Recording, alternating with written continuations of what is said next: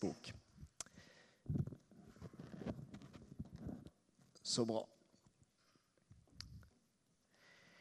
Det som er skrevet hos profeten Daniel i det sjette kapittel.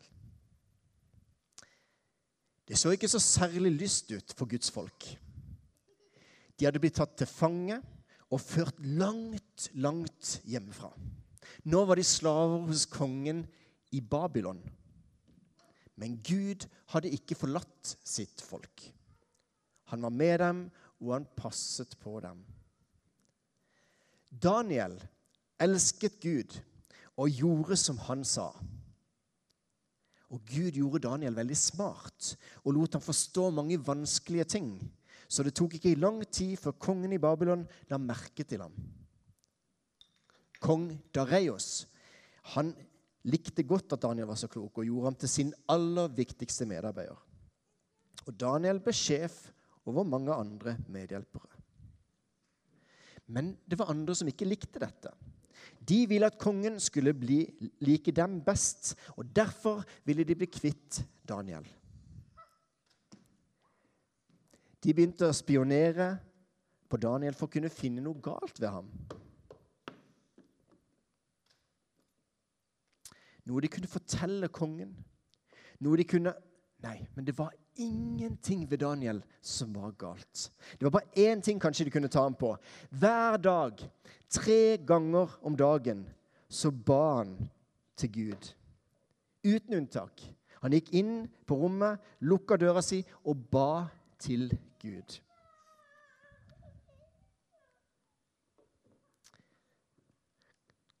De som humra de humrer for seg selv. La oss få kongen til å lage en lov som sier at ingen får be til noen andre enn kongen. Daniel kommer ikke til å følge denne loven, og da må han straffes. De var veldig fornøyde med planen sin og hvor lure de var. og De skyndte seg av sted for å dele lovforslaget med kongen. Kongen han likte forslaget. For han skjønte ikke at de lurte ham. Og så lagde han en ny lov. Alle må be, bare til meg. Hvis ikke du gjør det, blir du løvemat. Daniel fikk høre om kongen.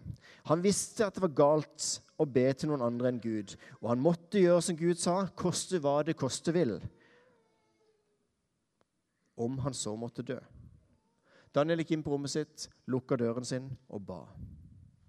Nå kan dere se neste bilde her. Kan dere se det? At dere husker denne historien. Så skal dere se hva som skjer videre. De onde mennene visste at det kom til å skje, og sprang rett til kongen for å sladre. Deres høyverdige, usedvanlige og kloke majestet, sa de. Står det ikke i loven at alle bare får be til dem, ærede konge? Jo, det stemmer, svarte kongen. Og deres høye velbårenhet. Da må vi nok fortelle ham at Daniel ber til Gud, ikke til kongen. Kongen ble trist. Han hadde blitt lurt. Han ville ikke skade Daniel, men han kunne ikke gjøre om på loven sin heller. Han fikk soldatene til å kaste Daniel til løvene. Måtte din Gud, som du elsker så høyt, redde deg, ropte kongen ned til Daniel. Kongen dro tilbake til slottet sitt. Men den natten fikk han ikke sove. Ikke ett sekund. Han snudde og vridde seg helt til soloppgang. Da hoppet han ut av sengen og sprang rett bort til løvehullen. 'Daniel!' ropte han. 'Har din Gud reddet deg?' 'Ja', svarte Daniel. Gud sendte en engel som lukket løvenes gap. Og der, med hodet i Daniels fang, lå den største løven og malte som en katt.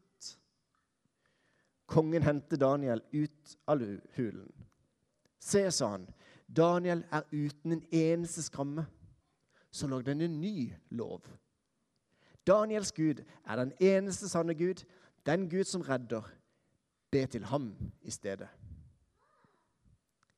Gud fortsatte å redde sitt folk. Og det kom en tid da Gud skulle sende en annen modig helt, liksom Daniel, som elsket Gud, og som gjorde det Gud sa. Koste hva det koste vil. Om han så måtte dø.